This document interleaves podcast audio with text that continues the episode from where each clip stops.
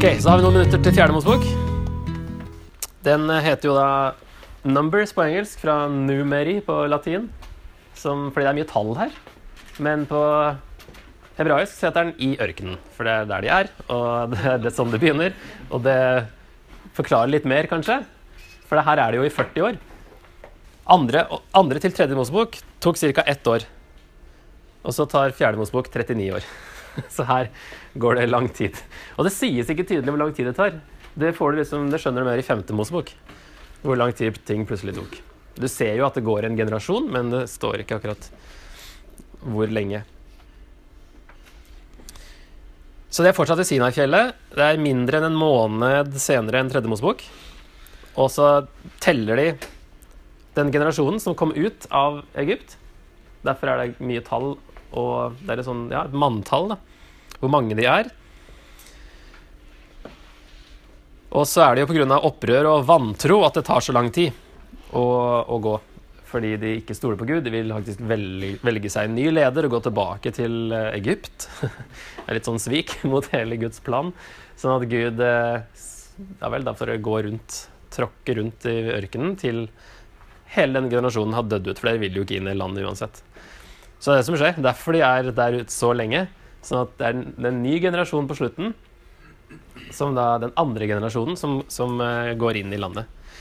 Uh, Josva og Caleb er det eneste fra første generasjonen, da. men selv ikke Moses får lov å, å komme inn. Og han òg uh, begynte å Han hadde noen episoder her i Fjerde Mosebok. Her tærer det på alle, til og med Moses, liksom. ikke så rart når man tråkker rundt så lenge med den gjengen der.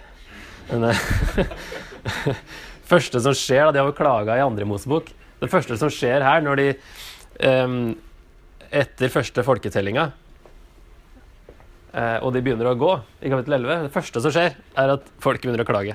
det er det første de gjør når de begynner å røre på seg igjen. Så, men det er to, to folketellinger, altså første generasjonen og andre generasjonen. Så første ti kapitlene er også litt sånn tunge. Så er det vandringen da, fra 11 til 25. Det er vel der det går 38 år. Det går ikke så bra. Vantro og fiasko. og så er det den nye generasjonen, ny folketelling, nye forberedelser. Og det her er kanskje den beste generasjonen i hele Gammeltestamentet. den her. Der har vi gode folk, liksom. Dessverre bare én generasjon kommer inn i neste inn i Josva, så, eller dommer, ja, Josva først, og etter Josva, da inn i dommerboka så ser du bare allerede fra neste generasjon så går det nedover. Men her er det ingen som dør i denne generasjonen her. Det er ingen sånne kriser, og Gud må ikke straffe noen.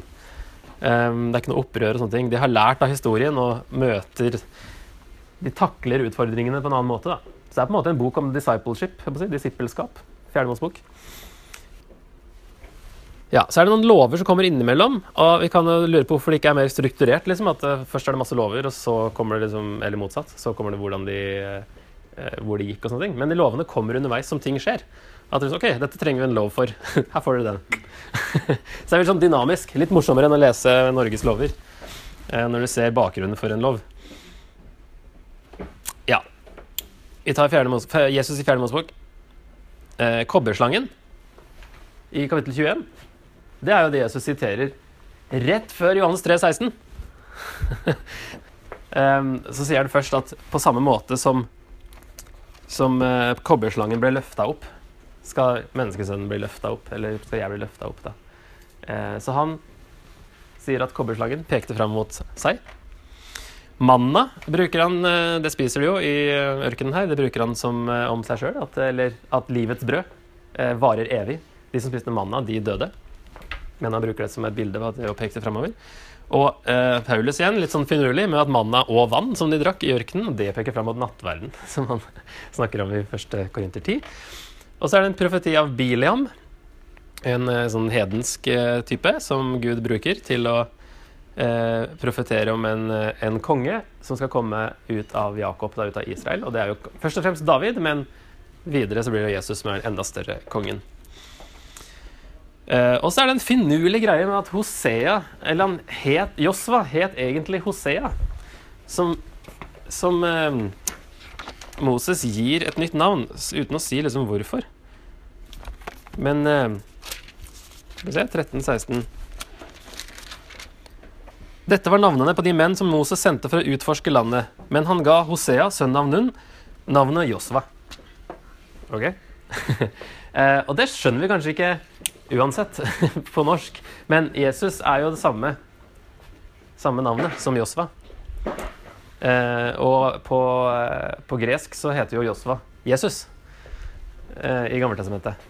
Sånn at da blir denne parallellen som kommer opp i hebreerbrevet, veldig tydelig. med Eh, Josva den første og Josva den andre. At eh, Josva GT han leda dem inn i landet, inn i hvilen, men det var ikke en evig hvile. Jesus leder oss inn i den evige hvilen. At blir den, landet blir et bilde på frelsen, og at navnet faktisk er det samme. I, at Moses i et profetisk øyeblikk bare endra navnet for at det skulle være eh, Her får du jo Javé inn i, da. Eh, den J-en. Jehoshua. Så altså Javé frelser. Gud frelser. Her, Hosea betyr frelse. Så for å få inn Guds navn i navnet hans, da, så endrer han det. Det var Guds seier, ikke sant? hele den eh, erobringen av landet, kanskje det han tenkte på.